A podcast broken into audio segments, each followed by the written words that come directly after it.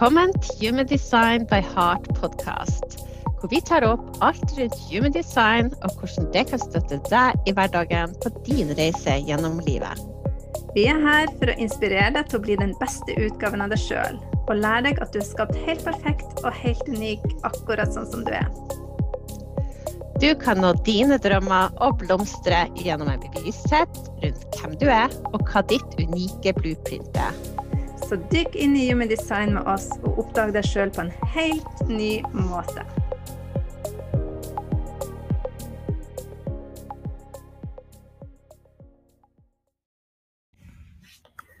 Velkommen tilbake til Human Design by Heart podcast.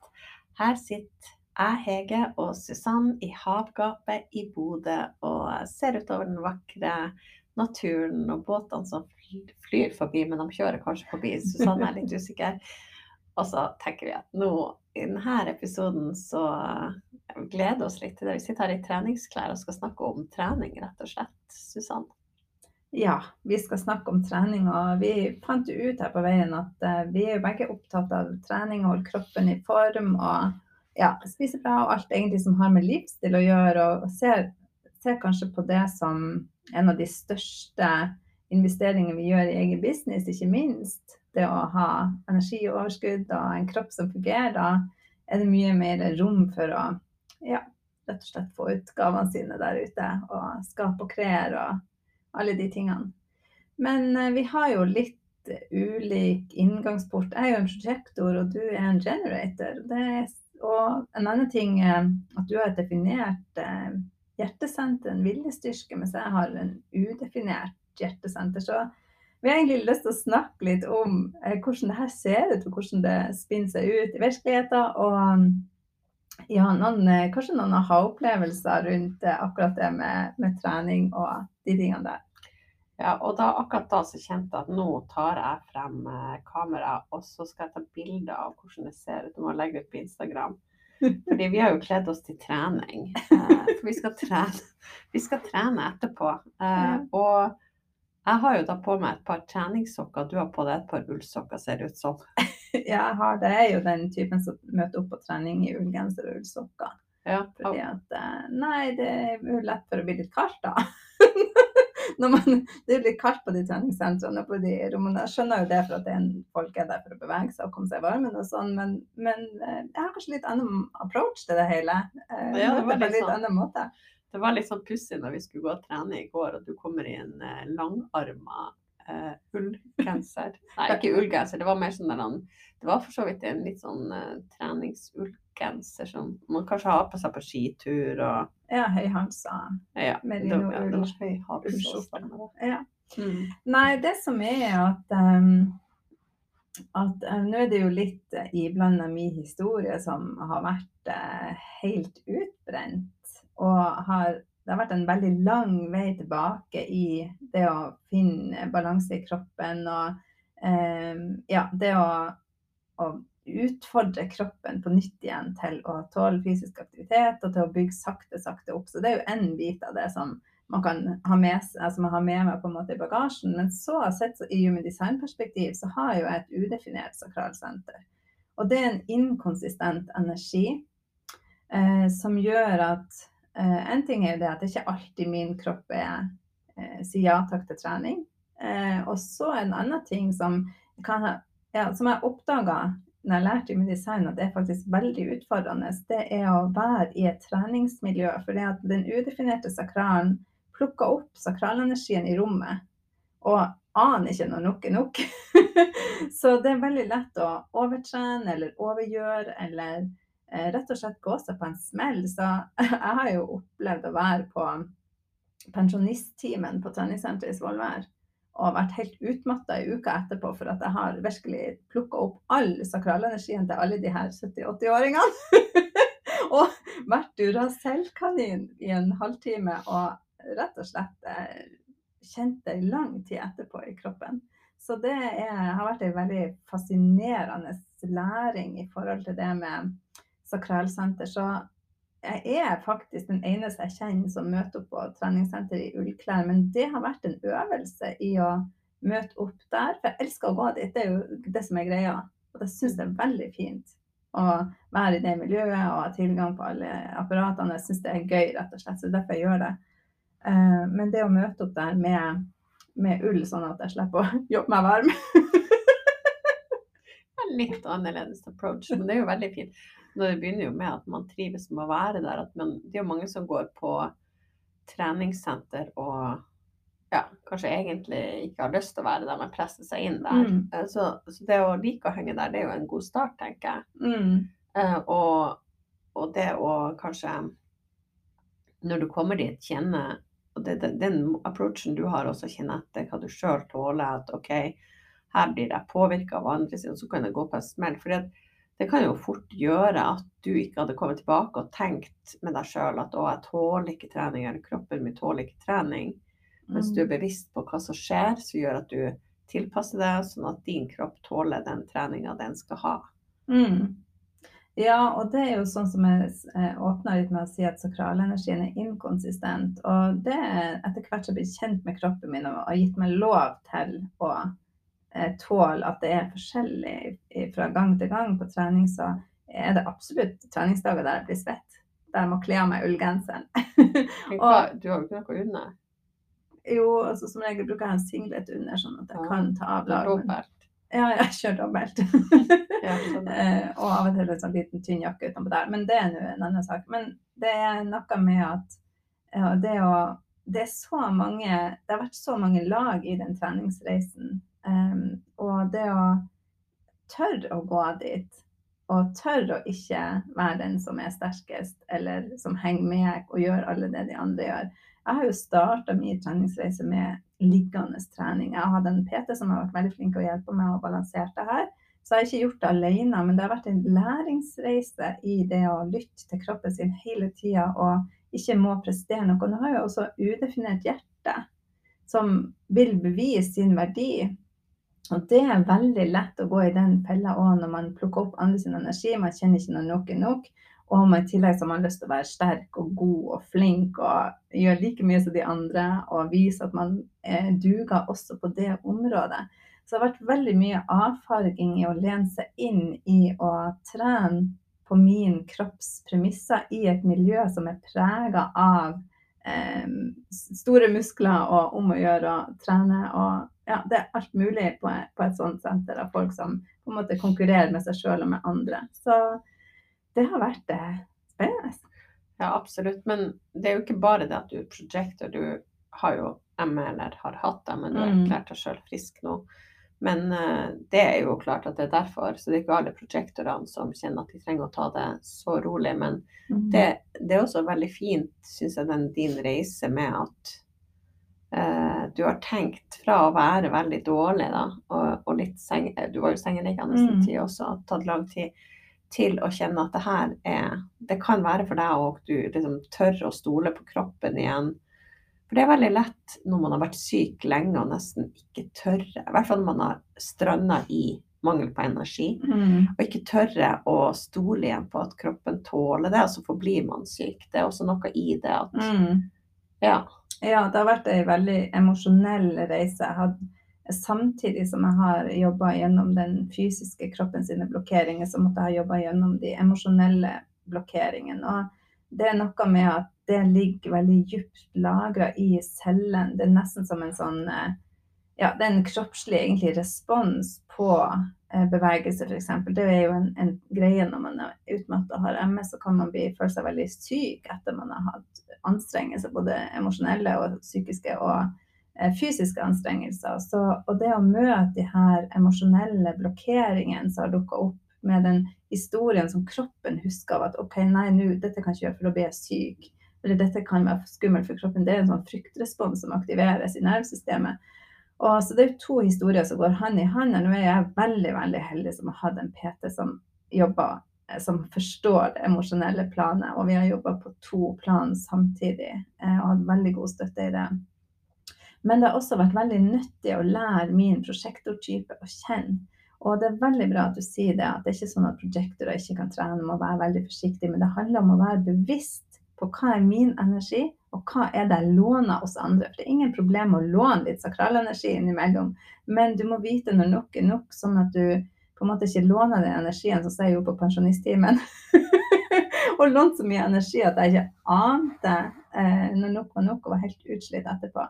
Så det å være projektor er ingen det er, ikke, det er ikke ensbetydende som at nei, da, da, må du bare gå og sette deg på en sofa, du kan ikke være med på trening, eller du kan ikke være aktiv, eller noe som helst. Men du må lytte til kroppen din, eh, og lytte til sakralsenteret. Så det er så viktig, og det har vært Human Design er helt fantastisk for å forstå den energien og energiutvekslinga.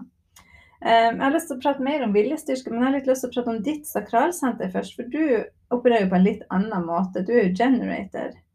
Og kan du fortelle litt hvordan, hvordan du opplever det i forhold til trening og ha konsistent tilgang til den energien? Mm. Ja, jeg får jo energi av å trene, eh, eller av å bruke energi, så får jeg energi i utgangspunktet, må jeg si. Eh, men, og det kan jeg også kjenne at et energioverskudd kan gjøre at det er godt for meg å trene på kvelden noen gang og få frigjort den energien for å sove. Mens der ser jeg jo at når du gjør ting sent på kvelden Du kunne ikke gått på en sen treningstime med meg, og så da hadde du ligget og dirra litt i, i, senga og ikke fått sove. Mens der er jo jeg helt motsatt.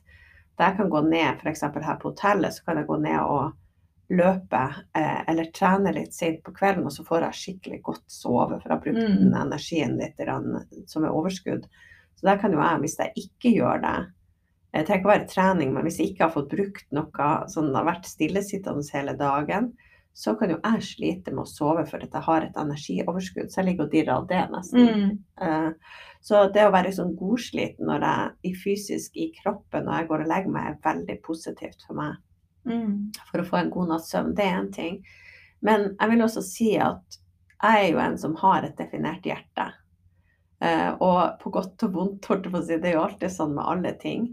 Eh, og jeg kan jo pushe meg sjøl veldig langt. Eh, sånn som når jeg da setter en eh, Jeg prøver liksom å ha en Nå har jeg liksom økt til at jeg må minimum trene fire ganger om dagen. Nei, da, dagen ser om uke i uka. Og da gikk liksom fra tre til fire, og, da er det, det er kjempevanskelig for meg å ikke skulle komme meg fire ganger da. Det definerte hjertet mitt vil føle at det er helt krise. Mm.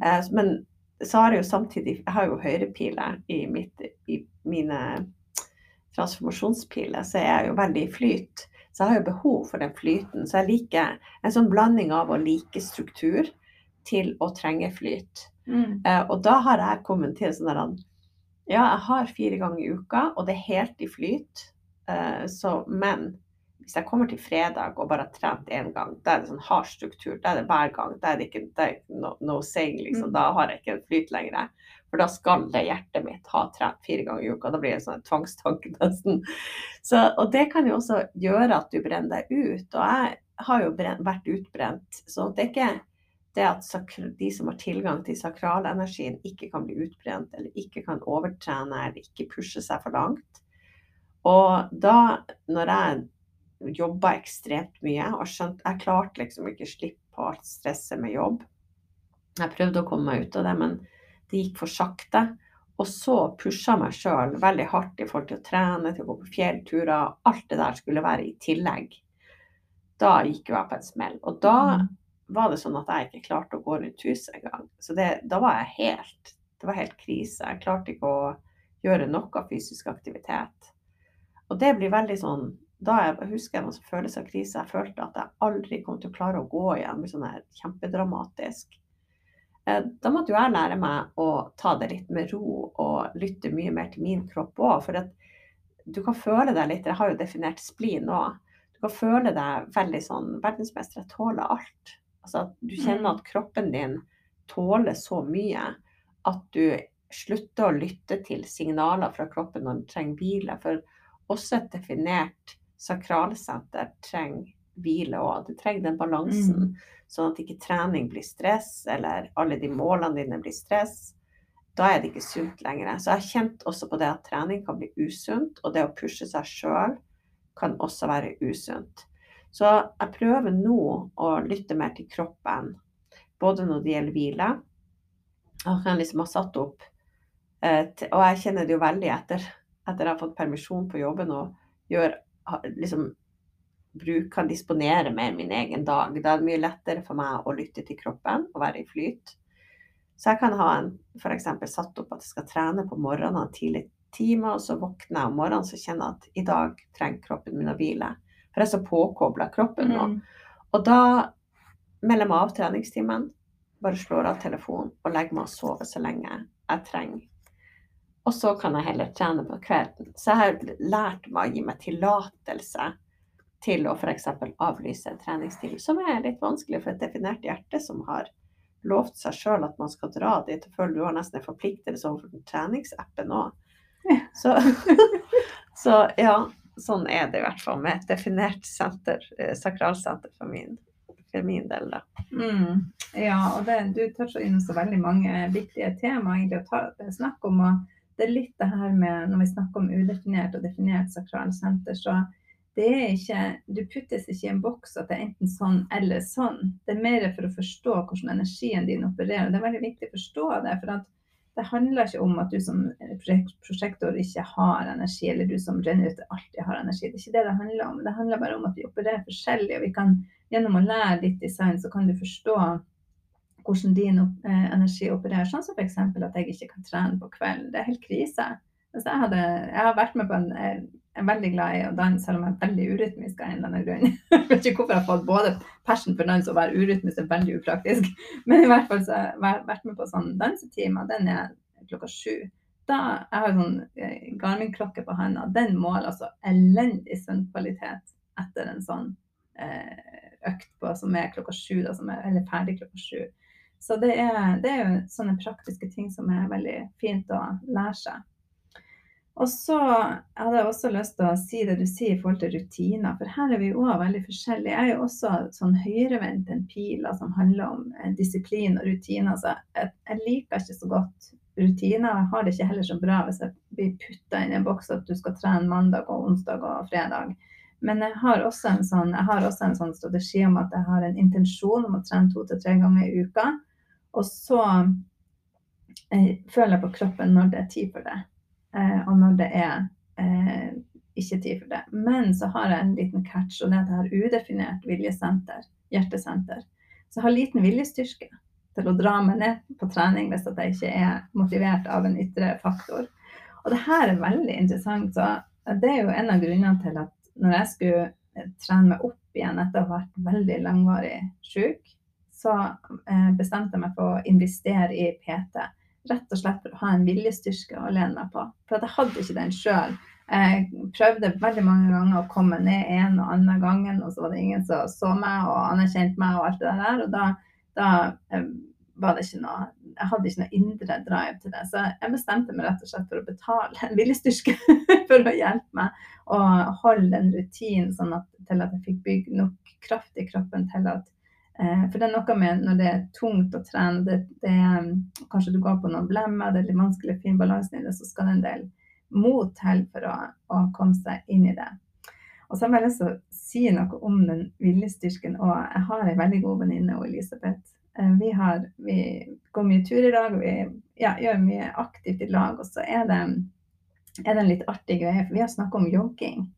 For at eh, jeg har egentlig ikke vært noe glad i å jogge og springe. Men de siste året så har jeg hatt en sånn tilnærming til at jeg kler på meg sko og tights og tar med hund og alt ut, og så av og til så vil føttene springe, og da springer jeg. Men ellers så er det ikke noe plan. Det er ikke noe springeplan. Og så eh, har vi snakka om det om vi skulle jogge, og så har hun også har definert hjertet. Og da ble det en avtale med en gang om at vi skal jogge, og da måtte vi avtale hvor langt vi skulle jogge, og sette en sånn mål for det her. Og så sier jeg at nei, det, det kan ikke jeg forholde meg til. jeg kan ikke klare å sette noen mål. Nei, det følte hun at det måtte være en deal på det her. Sånn, hvis hun skal ut og jogge, så vil hun ha en, en, en avtale. Liksom, ikke en avtale, men en avtale med seg sjøl. Altså, da blir det viktig å oppfylle den avtalen. Og så flirer jeg og sier nei, men jeg har ikke sånn. Jeg er mer sånn som så hvis jeg er ute og går, så kan jeg jogge litt når noen ser meg, for å bevise verdien min. Hvis det kommer en bil, så setter jeg opp farta litt, sånn at de skal se hvor flink jeg er ute og jogger. så det kan være min motivasjon. Mens hun har en sånn indre drevet viljestyrke. Så yes, OK, da jogger vi. Da, setter, da sier vi to kilometer i dag, starter vi med det. Og så, og så må å gjøre det. Og det kan ikke jeg forstå. hvordan verden det skal fungere. Jeg forstår henne så godt. Jeg hadde aldri hatt en intensjon om en joggetur hvis ikke det hadde vært bestemt hvor langt jeg skulle jogge. Minimum. Ja, veldig Det er, fascinerende. ja, det er kjempefascinerende. Mm. Og jeg er litt sånn som eh, drives av at jeg kan pushe det. At jeg kan liksom gi tillatelse til kroppen min at OK, nå har vi ikke jogga på en tid, så da starter vi med å jogge, jogge tre kilometer. Så skal en ganske hard skade til for at det stopper før det går tre kilometer. Det er helt fullstendig krise. Ja. Så da, og da kan jeg liksom tillate meg at jeg går en tid, så kjenner jeg at nå, nå er tre kilometer lett. Da øker vi til fire. Og så kan jeg liksom bygge meg oppover. Men jeg vil også så, så det hadde vært helt krise. Jeg hadde ikke giddet å jogge med deg hvis du skulle ha sånn tullejogging. Så du kjente virkelig igjen Ja, i det her hjertet? Skikkelig igjen i Elisabeth. Ja. Uh, og det er litt sånn der uh, Da, når jeg kan være opptatt av Jeg kan jo også være opptatt av hva andre syns og sånn, men akkurat da når jeg er inne i den joggegreia, så tror ikke jeg registrerer det i det hele tatt. Da er det så indre motivert. Mm. Uh, og, og da er det liksom bare den driven til å klare den der. Og da Jeg må ha på sånn der uh, en eller annen sånn app som sier hvor mange kilometer, så jeg vet akkurat. Og etter hvert så vet jeg at jeg tar den samme ruta ofte, for da vet jeg meg sjøl. Der er det én kilometer, nå kommer jeg til to kilometer.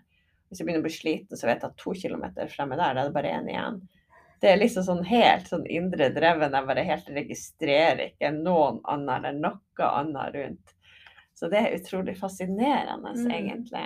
Jeg tror aldri jeg, jeg, tror, jeg tror aldri jeg har klart å gjennomføre noe sånt, rett og slett. Nei. Da må jeg må ha noen eh, Da må jeg ha et hjerte med meg, en lille styrke med meg. Ja. Så skal komme. Kanskje hadde det vært eh, nesten vondt i hjertet ditt å ha noen som hadde vært så dreven av mål. Ja, det kunne jo veldig fort hende at jeg har ikke visst når nok var nok. sant? At jeg har eh, overgått Mm, meg sjøl. Så det er, det er en, en balanse man kan låne. Jeg, jeg, men når du er bevisst på det, så tenker jeg at det er fint å låne viljestyrke. Så vi har en sånn deal, eh, jeg og venninna mi, at eh, jeg kan låne hennes viljestyrke noen ganger. Så jeg Mm. trenger den. Så Men det jeg tenker da, det er jo at hvis du har et udefinert sakral og et definert hjerte, mm. så er det ekstra viktig å kjenne på at tillate deg sjøl før du legger ut på den turen, at du, det er lov å stoppe når nok er nok. mm. Eh, fordi at jeg vil ikke eh, stoppe når, altså jeg, For meg er ikke nok nok. Det er helt uinteressant Mm. om energien er der. Det er mer det at det skal du gjøre. Det skal, liksom, da må jeg ha ganske vondt i en fot at jeg ikke klarer å bevege den for ikke å komme gjennom det. Men, og det kunne jo skjedd sånn sett. Men det jeg kan kjenne, som jeg må si til meg sjøl, som jeg kjenner en sånn vanskelig Jeg har jo et åpent eh, rotsenter. Mm. Så jeg kan kjenne at det der med å, med å si at jeg skal trene tre ganger i uka, og så er det greit, jeg trener fire ganger i uka um, Det har vært noen uker hvor jeg ikke får det til, hvor jeg må på en måte være eh, snill med meg sjøl. Men det, det er litt vanskelig. Men hvis jeg ikke hadde hatt det, så hadde jeg stressa med at det ikke er nok hele tida. Selv om jeg da hadde trent fire ganger i uka, så hadde jeg følt at jo, men du, det der stresset med at du skulle vært der igjen, du skulle vært der igjen. Mens nå, da, når vi skal trene etterpå i dag, så er det min dag nummer fire. Uh, vi er jo bare på fredag. er vi ikke det? Det er ikke flere det er fredag sitter spiller inn, faktisk. Og da kjenner jeg en sånn der Ja, nå er jeg allerede på fire. Det kan hende at det blir fem og seks ganger. Kanskje jeg går ned og trener lørdag og søndag òg. Mm. Da kjenner jeg det som et veldig pluss. Mm. Det er akkurat som med min oppgave jeg skal gjøre hvis jeg har masse oppgaver. Så selv om jeg får gjort mye en dag, så føler jeg meg nesten Jeg kjenner, bare, jeg kjenner mest på det jeg ikke har fått gjort. Og det er det der presset fra det åpne rotsenteret til at det hele tida kommer nye ting, og så kommer det nye ting, og du skal bare og skal bare. Så det å sette opp noen mål sånn, OK, det er så mange ganger, og alt annet er pluss, da klarer jeg å kjenne det plusset. Mm. Da klarer jeg å være stolt av meg sjøl for at jeg går forbi det, og da kan jeg være sånn superfornøyd. Wow, liksom, hvor mye du fikk til denne uka. Jeg tror at hadde jeg ikke hatt det, så hadde jeg bare kjent at ja, men du bare trener. Altså liksom aldri fornøyd nok. Og sånn er jeg jo med arbeidsoppgaver òg, at når jeg skriver opp at de her tre tingene må være gjort i dag, så jeg kan krysse av på de. Når jeg gjør ekstra ting som skriver det opp under, så blir jeg så glad for at jeg ser at jeg ikke det er Mm. mer enn målet mitt den dagen. Det er liksom rotsenteret mitt klarer å anerkjenne at det er, det er bra, det du har gjort. Du har gjort mye. Ja, det er masse du kunne gjort ellers, men du har gjort nok, rett og Mm. slett. Ja, og det er veldig interessant. Der har jeg, har jo definert tro, så jeg litt, opererer litt annerledes enn deg akkurat der. Og, og har min konsistente måte å håndtere press på, og sender også ut press. Og det er jo noe som jeg prøver å være bevisst på i våre samarbeid. Og jeg vet jo at noen ganger så, så legger jeg press på deg ubevisst uten at jeg mener å gjøre det, så gjør jeg det fordi jeg har min måte. Når jeg får en oppgave, så har jeg min måte at nå kjenner jeg på presset til å få den gjort, eller gjøre det på min, i min rytme, rett og slett. Og det gjelder når det kommer til trening og bevegelse, så er det definerte rotsenter. Hvis du har definert rotsenter, altså den nederste firkanten i bodygrafen, hvis den er farga inn, den er brun, så Farger spiller ikke noen rolle, men den er ofte brun hvis du ser i my bodygraf. Og så eh, er den vel grønn i vår, tror jeg. Ja, der. Man går på Human Design by Heart.no og laster ned kartet så får du den grønn. Farger spiller ikke noen rolle. Men det som er viktig, er at um, alle som har definert rotsenter, har veldig godt av å bevege kroppen sin daglig. Og det handler om å eh, Vi er designa til å være in tune, altså i, eh, på bølgelengde med vår kropp sin rytme. Og i denne rytmen så kan det hope seg opp stress og eh, press ifra. For rotsenteret er sånn press, adrenalin, stressenter, det er de temaene som bor der. Og det er veldig viktig å få utløp for det stresset. Så jeg kan kjenne hvis at jeg, eh, hvis at jeg har dager der jeg blir veldig oppslukt Nå er jeg jo en lesehest. Jeg er jo en førstelinje og projektor og nerdete opptatt. Jeg leser jo ti bøker samtidig og studerer. Og jeg, jeg kunne egentlig ha sittet med det døgnet rundt hvis ingen plukka meg ut derifra. Så hvis jeg går inn i en sånn boble og det er ingen som forstyrrer meg, og glemmer at jeg må røre på kroppen min, så kjenner jeg at jeg blir veldig stressa. Nervesystemet aktiverer seg, jeg får høye skuldre, jeg begynner å få tankesurr. Det blir rett og slett en stressrespons i kroppen. Så den daglige bevegelsen er kjempeviktig. Så jeg har prøvd eh, det siste halve året spesielt og vært veldig oppmerksom på den der daglige greia, og gjerne putte den inn tidlig på dagen, det er noe jeg har funnet ut hjelp for min del. For da har jeg på en måte gjort det. Da glemmer jeg meg ikke bort i alt annet jeg skal gjøre. Så eh, til dere som har eh, definert rot, så legg litt merke til hvordan fysisk aktivitet eh, påvirker kroppen og systemet. Og, og ikke minst mangelen på det. Mm. Og for dere som har udefinert rot, så kjenn etter at du kan sette en begrensning for deg sjøl eh, hvor mye som er godt nok. Eh, og at du ikke hele tida kjenner på det presset, eller f.eks. tar inn og fordoble presset fra de som har definert rot. Altså det stresset deres med å få trent eller ja, gjøre andre ting, og så kan det fordoble seg i din kropp at du burde jo også ha gjort det.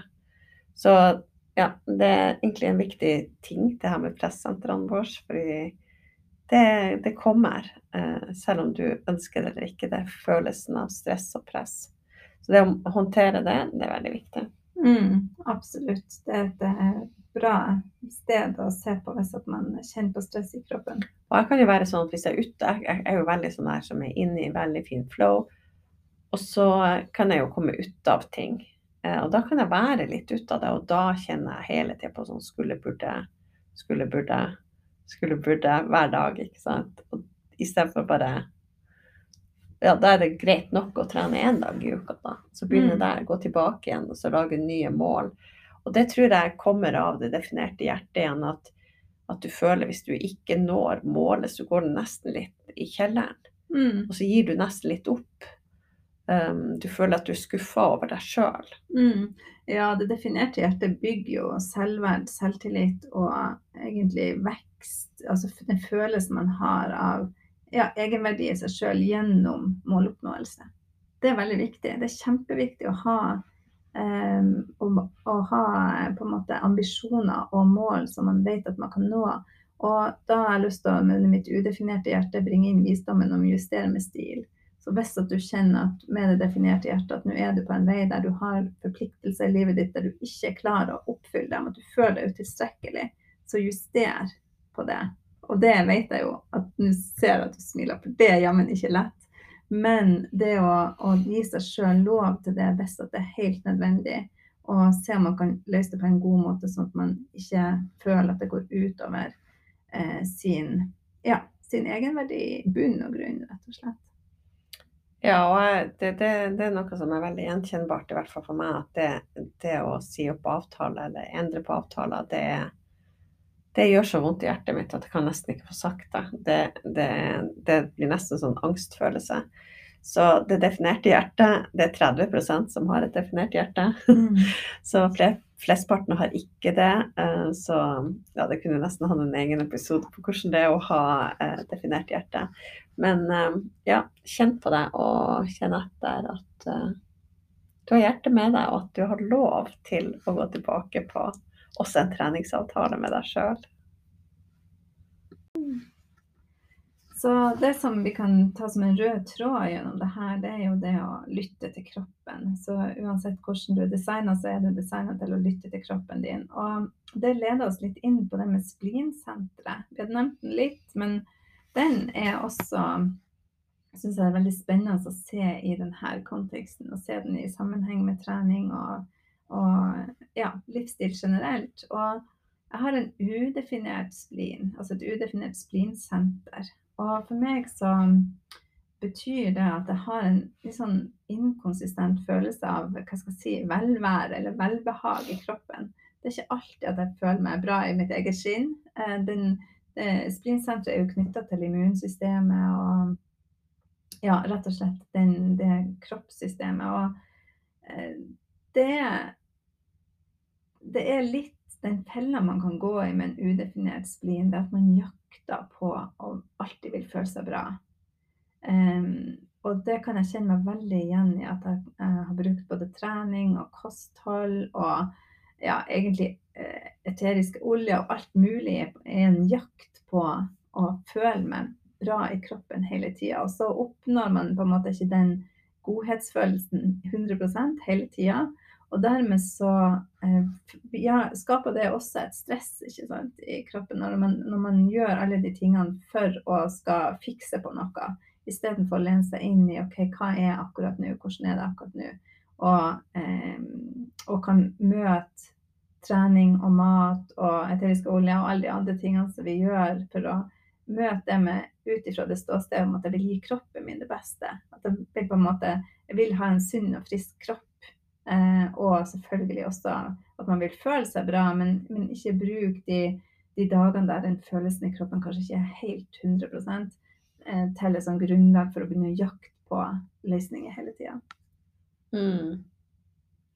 Ja, og der er nok litt sånn eh, den der med å ha et definert splinsenter og føle at det jeg kan tenke i forhold til det, det er kanskje det å føle at du stoler så mye på kroppen at du glemmer litt det. At du føler deg litt sånn eh, Jeg tåler alt-følelse. Og det kjente jo jeg på før jeg ble ut, utbrent eller utmatta. Det var egentlig at jeg i en, en situasjon med veldig mye stress og veldig mange som krevde meg mye, hvor kroppen min trengte hvile, så pøste jeg på med fjellturer, med trening. Altså, jeg, liksom, jeg, jeg, hadde ikke respekt for at kroppen ville ha en grense. Mm. Jeg kjente bare at oi, jeg tåler, jeg tåler alt. Kroppen min tåler jo alt. Uh, så fikk jeg litt sjokk når kroppen en dag ikke fungerte, faktisk. Ble veldig overraska. Mm. Og det er akkurat det han Ra Urhus skriver i sin, i sin bok om eh, splinsenteret, at de med definert splin de må lære å lytte til kroppen sin. Ellers så, ellers så han skriver han er jo The Gate of Shock, så han skriver ellers så drop de dead. så detter de døde om. Men det er noe med at du, du, på en måte kjenner ikke de forvarslene, så du går sånn boms på, på den veggen. Eh, mens jeg, eh, jeg som er min udefinerte splin er veldig, veldig sensitiv for kroppen. Og det kan, jo, det kan jo være veldig bra på mange måter, for at jeg kan oppfatte veldig subtile ting, hva som er bra for kroppen min og ikke bra for kroppen min. Men det kan også gjøre at det blir overfølsom. Og det har jeg reflektert masse om i den perioden når jeg var veldig utmatta og veldig syk. Så den, det der med å kjenne etter på, At du våkner om morgenen og kjenner etter på den dårlige følelsen, og så tar du valg deretter. At jeg valgte å bli i senga mange ganger istedenfor å kanskje stå opp og ta en kopp kaffe og spise litt frokost og se, se det an litt. Og komme i gang med ting. Og det, det er en, en, lærdom som jeg har tatt med meg. som er, at, jeg, at den følelsen i kroppen er ikke alltid helt til å stole på. At jeg føler meg litt pusk en morgen, så trenger jeg ikke å avlyse hele dagen, liksom, og bare grave meg ned i senga og tenke at nei, jeg må bare være. Men at det er en balanse mellom å, å lytte, absolutt lytte kroppen, men også eh, ja, balansere det. Rett og slett balansere det. I å vite det at den, det er ikke alltid den føler seg 100 tipp topp prosent. Ja, og jeg husker at når jeg Det var sånn det gikk et halvt år etter Det tok et år før jeg kom meg tilbake igjen. Og det var faktisk trening som bringte meg tilbake igjen eh, i energi. Men det første halvåret så skjønte jeg at jeg måtte roe ned og begynne å gå sakte. Og når jeg begynte å ta inn alt som hadde skjedd, og hvor jeg hadde liksom drevet meg sjøl veldig hardt, så kjente jeg at jeg var så takknemlig for at jeg ikke hadde fått hjerteinfarkt og bare døde. Faktisk det jeg satt og tenkte på, at oi, jeg har fått en ny sjanse til å nå virkelig bare gå inn i og lytte til kroppen mye mer. Og ja, være in tune med at du, du kjenner Altså det også å kjenne at nå trenger kroppen hvile, som jeg kan ta på alvor nå en dag. Bare tillate meg det, men da sover jeg lenge. Det har ikke noe å si. Jeg er ikke ute, og, ute av kurs for det. Jeg faktisk lytter til at kroppen min trenger hvile i dag. Og det betyr at kroppen får nok til å trene kanskje senere, eller om to dager eller én dag. Eller at du tar en litt rolig. Jeg har også blitt veldig flink. Jeg hadde jo mye sånn eh, maskulin energi, som det gjøre, gjøre, gjøre, som er veldig maskulint. Um, jeg hadde jo veldig mye maskulin energi inn i livet mitt da. Og det å også i den tida finne tilbake til din feminine kraft og feminine energi, som er mer flyt, eh, og i treningsform. Så i dag så blander jeg jo det å trene styrke og kanskje løpe, som jeg er jo glad i å løpe, med yin-yoga f.eks., som er en feminin yoga, som er rolige øvelser hvor du ramler inn i øvelsene og ligger der Mer sånn kald yoga som du blir varm inni deg, men på en helt annen måte, som krever noe helt annet. Og kjenne at det også er ekstremt god trening for meg. Eh, og at ikke jeg føler at ja, men det her er jo ingenting, for det går ikke fort. Så trening kan være så veldig mye. Så, og det å, å, å, finne ut hva er ditt treningsregime, og da kan vi jo komme inn på litt G-senteret. at med et åpent G-senter som vi har, så er det veldig lett å la seg lede av alle treningstrender, eller hva man bør trene, eller og det høres lurt ut. Uh, og så det er det å finne den formen som passer din kropp, der du er akkurat nå der, du er, der du er i stress ellers med andre ting du har i livet, om du har små barn, masse jobb, og finne hva er det som gjør deg godt. Sånn at trening er noe som gjør deg godt. Og jeg vil bare si helt på slutten det der med å lytte til kroppen. fordi at det årene jeg måtte lytte til kroppen, så når jeg begynte å bli sterk igjen, så begynte jeg å skulle jobbe. Og så fikk jeg tilbakefall. Jeg kjente at det gikk ikke. Og da innså jeg at jeg fikk tilbud om en sånn treningsopplegg over noen måneder. Og det gjorde jo at jeg kom tilbake igjen til jobb. Og da kunne jo jeg tenkt at jeg tåler ingenting, jeg må hvile enda mer. Men da trente jeg meg tilbake til å bli sterk igjen, for da hadde kroppen min hvilt så lenge at den var, den var rett og slett ikke robust. Mm. Så jeg tror at min kropp trenger å være robust gjennom å bli styrka med trening osv. Så, videre. Så det å, å, kjenne til din kropp, kjenne hva som gjør deg godt, eh, det er så utrolig viktig å lytte til deg sjøl istedenfor andre. Eh, og det er veldig lett, spesielt for oss med åpent G-senter, å gå etter andre mm. sin retning. Um, og tenke at det her er lurt, det her, det her bør jeg også gjøre. Det her uh, det høres lurt ut når du adopterer nesten andre sitt treningsregime. Mm. Ja, så utrolig viktig. Og det du, eh, det du sa der med at den yin-yogaen er bra for deg, selv om det på en måte ikke er sånn det vi ser på som hard trening. Jeg husker første gangen jeg var på en yogaretreat som ikke var, eh, ikke var ashtanga-yoga, men var mer rolig yoga. Jeg husker ikke, jeg husker ikke hvilken retning yoga det var, men i hvert fall en fantastisk eh, svensk dame som var yogalærer. Og hun sa noe som jeg husker så det her mange mange år siden. Hun sa at um, nå i helga så skal du uh, så skal du gjøre yoga, vi skal gjøre yogaøvelser som ikke trenger å ha noe nytte på kroppen. Det er ikke for å bli sprek eller slank, eller du skal ikke ha noe Du skal bare være i øvelsene.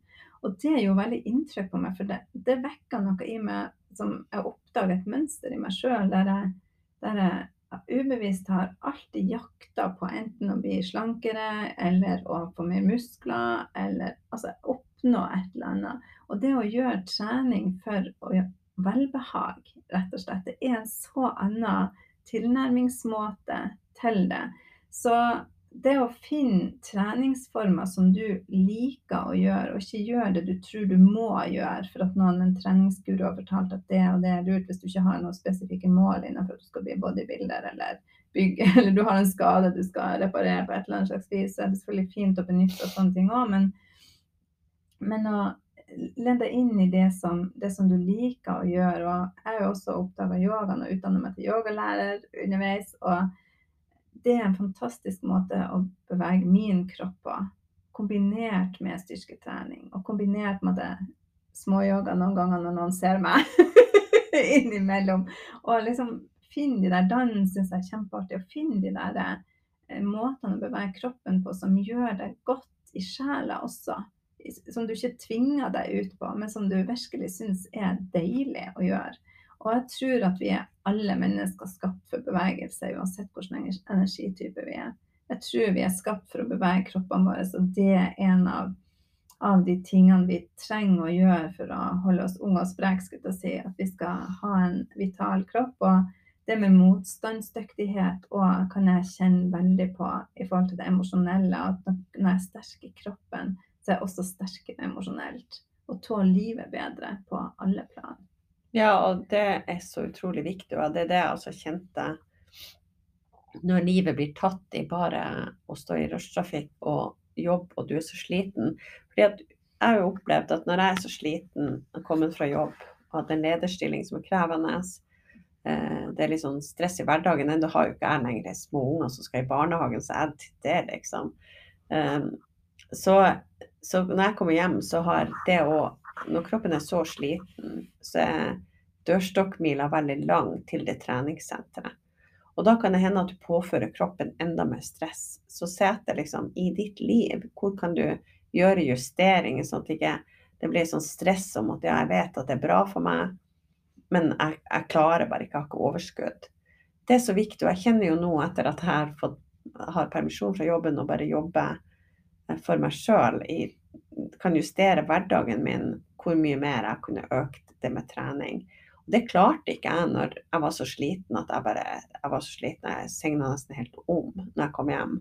Da har ikke jeg treningsoverskudd. Da tror jeg at jeg bare slitt meg ut med å presse igjennom fire ganger i uka. Det, det hadde på en måte ikke gått. Men da er det liksom noe med å se at OK, jeg har en hund som presser meg ut selv når jeg er sliten, og så kjenner jeg at ja, noe er godt. Det er godt å gå tur for det. Eh, men den der harde treningsøkta, det er ikke sikkert at jeg hadde klart det da. Så se etter hvor du er i livet. Og så vil jeg også bare si det å, finne sin treningsform. Være åpen for at du kan gjøre alt. Det er ingen tog som har gått. Jeg husker for en del år siden nå så fant jeg en, en dansegruppe på et dansesenter med voksen hiphop. Det var noe av det gøy. Nå flytta jeg fra Det var i Drammen, så når jeg flytta fra Drammen, så mista jeg litt den gruppa. Men det var også noe av det gøyeste, det å begynne å trene hiphop i en voksen alder når du kan hiphop. Det er kjempekult. Ja. Og bare kjenne på at ja, det kan være for meg også. Mm. og, og, det der å være åpen. Og så tenker jeg på én ting til. Jeg er jo et åpent hode hvor det, det, er veldig mye tankekjør. Åpent hode, åpen asjna. Uh, og jeg kan ha mye tankekjør. En av de treningsformene som for meg stilner tankene mine, det er klatring. For med klatring så er du sånn veldig nødt til å være fokusert hele tida på neste skritt. Hvor skal du opp der? Hvordan er neste grep? Du kan ikke sitte og tenke på noe annet, for da ramler du med en gang. Mm. Uh, og det har for meg vært en sånn der Når jeg har gjort en klatre, jeg har vært på en sånn klatre var en tid jeg klatra fast, så kjenner jeg at det er akkurat som å vaske hjernen. Mm. Det, er, det, er sånn, det, er, sånn, pause for hjernen, i tillegg til at det er god trening for kroppen. Så kjenn etter hva er det du trenger, og hva er det som vil gi deg påfyll. Og være åpen for at det kan være hva som helst. Mm. Og så er det det, sånn som for meg med åpent G-senter. Og det der med å kanskje bruke ja, strategien din istedenfor de ytre autoritetene som forteller deg hva er bra nå. Så når jeg da flytta der jeg bor nå for ett og et halvt år siden, snart to år siden, så skulle jeg finne en eller annen treningssenter eller form rundt der jeg bodde. Og jeg er jo så var på omgivelsene mine om jeg drar på trening eller ikke. Det er helt Mm. avgjørende for meg. Så jeg gikk til alt som var i nærheten og kjente på hvordan det føles. Responderte på hvordan det føles å være meg her. Jeg responderte meg frem til hva som var riktig for meg. Og det, det er utrolig viktig å kunne gjøre, rett og Mm. slett. Å kjenne, fordi det er jo den, de tingene som føles riktig inni deg, som driver deg til om du gjennomfører det, eller om du blir en sånn passiv medlem som bare støttemedlem som driver og Mm. betaler et sted. Og det med G-senteret er veldig viktig, at du trives i omgivelsene du skal trene i. Det gjelder jo uansett om du skal jobbe eller trene eller spise eller elske, skulle jeg si. Uansett hva du skal gjøre, så er omgivelsene, gode omgivelser, avgjørende for resultat. Så ikke push deg på treningssenter hvis du ikke trives der. Eh, gå en tur i skogen eller dans på stuegulvet eller hva, hva det skal være. Eh, det er så mange alternativer. Ja, og ikke minst være åpen for at det endrer seg. Mm. Og at det trenger ikke å være ikke noe sånn statisk, at sånn er det nå. Men det kan hende at jeg til våren har lyst til noe helt annet og tillater deg til det. Kjempebra. OK. Det ble en lang episode om trening, men jeg syns vi har fått med oss veldig mye mm. uh, forskjellig. Uh, og vi må jo si noe om de her transformasjonspilene også, bare sånn avslutningsvis. Ja, vi har jo eh, de her fire pilene som er over, over hodet vårt, skulle jeg si. Og um, ikke over hodet, ved siden av hodet i, i bodygrafen. Og em, hvis du har de pilene som er på venstresida, hvis de peker mot venstre, så er du gjerne en som trenger mer struktur i treninga di. Som kanskje liker å ha rutiner, kanskje liker å gjøre de faste tingene eh, på faste tider og alle der. eh, Sånt. Men hvis du har de mot, eh, mot høyre, så er du litt mer sånn som oss som liker å ha litt flow i det. Så har en intensjon om hvordan det skal være, og så er vi mer flowy i eh, Følg kroppen sin flow, rett og slett, på, på eh, når og tid og hvor mye eh, trening det skal være. Så det er jo også et veldig bra aspekt å ha med i forhold til hvordan du legger opp treninga. Ja, og de transformasjonspilene eh, har jo ekstremt mye informasjon om oss som er så spennende. Det er et dypere lag av human design, eh, men um, det, det er veldig life-changing å lese, lære om det. Og vi, skal, vi har jo lagd en todagers workshop i mars som dypdykker ned i alle de pilene. Eh, virkelig gir det en sånn der, det er sånn eye-opening Mm. eh, workshop. Så um, vi legger med link til den, så du kan melde deg på det hvis du ønsker det. Uh, og ja, da vil jeg veldig det, Det er jeg bare si en ting derifra, for det er jo nervous touch. Det er jo min på en måte digestion eller diett eller eh, determination, kalles det på, i human design. Men, og det handler jo om hvordan jeg fordøyer mat, men også hvordan jeg fordøyer livet. Og i trening, det har jeg lagt merke til der i forhold til den dietten. Jeg tenker litt over, for jeg liker ikke sånn eh, statisk trening eller er masse repeterende hele tida. Og det er akkurat sånn jeg tar inn livet. Jeg liker å ha stimuli og endring når jeg er i gang. Så når jeg skal gjøre trening, så liker jeg å gjøre noen få øvelser hver og bytte litt på det, og ikke ha sånn, sånn langvarige ting at jeg må stå og holde imot eller stå i sånn, hva det heter, sånn stol. Du står, du står med ryggen mot veggen i sånn knebøy og blir stående der lenge. Sånn statiske øvelser. Sånn, det er det verste jeg vet. Så jeg liker å få beveget kroppen hele tida og eh, gjøre forskjellige ting. Så det er en sånn oppdagelse jeg har gjort i, i når styrke, at det er veldig inspirerende og motiverende for min og godt for systemet. Ja, jeg kjenner meg igjen, for jeg er jo også nervous touch. Og jeg må jo bare si det avslutningsvis, det er litt morsomt å skulle prøve å forklare det her til en med diett og nervous touch. Og for å forklare det at jeg liker å bevege meg. Jeg kan like å gjøre flere ting og spise samtidig. Det er godt for min fordøyelse. Hvor han sier liksom Det hørtes ut som jeg ikke satt i ro i det hele tatt, liksom. At jeg, så ser jeg gå rundt huset og løper rundt huset som en kylling, mens liksom jeg sitter stille med bordet og spiser. Det er ikke riktig så ille. jeg kan oppføre meg og sitte rolig med et middagsbord og spise for det.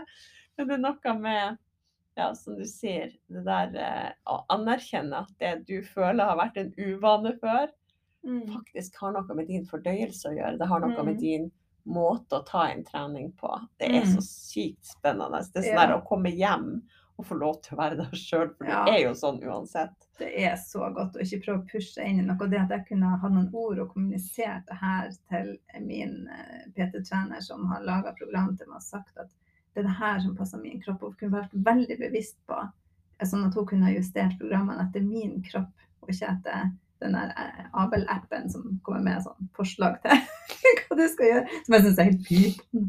Så det, det er så gull verdt å lære om de pilene. Og vi har jo satt opp en to dagers workshop der vi skal dykke ned i alle de fire transformasjonene. Der vi snakker om diett, miljø, vi snakker om perspektiv og motivasjon. Og det er virkelig livsendrende å ha den informasjonen eh, med seg og bli kjent med seg sjøl på et veldig, veldig dypt nivå. Ja, absolutt. Men nå da kjenner jeg at nå skal vi, vi skal trene. Vi skal Eh, vi trene. skal trene på hotell, og det er så deilig, for det som ligger så rett til rette. Bare ta med heisen i andre etasje. Mm. Alt er enkelt. Ullestene er på, ulljakken er på, så jeg er helt klar. Og vi har litt mer sånn treningssokker og Så jeg er så klar. Hører på litt god musikk og blir litt ytre motivert av musikken, og det er fint av og til. Det Så er det. Mm, Yes. til alle dere, god trening eller um, ikke trening i dag, ettersom hva dere føler for. Og vite at dere er gode nok uansett. Eh, ikke la dere lede av andre, men finn deres egen vei, og lytt til kroppen deres. Det er vårt budskap, og vi heier på deg. Det gjør vi. Takk for at du har hørt her, og velkommen tilbake.